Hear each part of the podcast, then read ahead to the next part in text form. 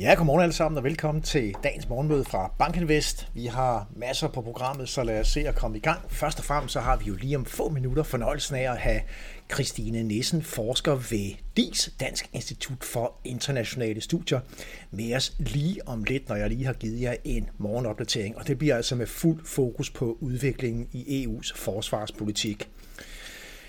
Også, også et lille øh, reklameindslag for et... Øh, for på mandag, der har vi nemlig fornøjelsen af at have vores gode kollega Glenn Vestergaard med os fra øh, Bankinvests globale aktieteam, og Glenn han kommer ind og sætter fokus på vores kommende nye afdeling, nemlig BI Europæiske Aktier Ansvarlig Udvikling. Så vær også med os her på mandag fra starten af ugen, hvor vi sætter fokus på europæiske aktier, det nye produkt. Og så lige et par kommentarer til markederne. Altså fire dage streg med plusser på det amerikanske S&P 500, der også breder sig til de andre aktiemarkeder globalt. Vi er faktisk nu op med omkring en 5,2 procent på S&P 500 fra den bund, som vi satte i, øh, i fredags i sidste uge. Der var altså markeret en periode fra slut juli med en korrektion på cirka 10%. Nu har vi altså hentet godt og vel 5% ind på det amerikanske indeks, og vi ser også, hvordan at sådan noget som de danske aktier endelig begynder at give sig i opadgående retning. Vi ser OMX Copenhagen Cap Index stige med 2% i, i går.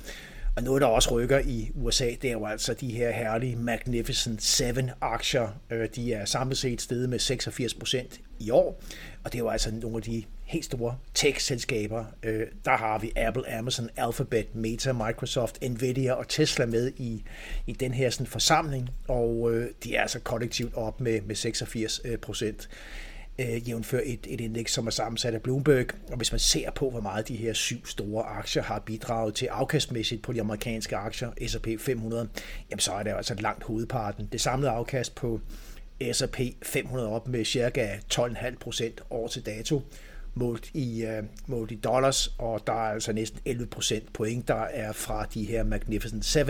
Men vi kan også se, hvordan de øvrige de begynder at vise et lille plus 1,7 procent afkastbidrag fra S&P 493.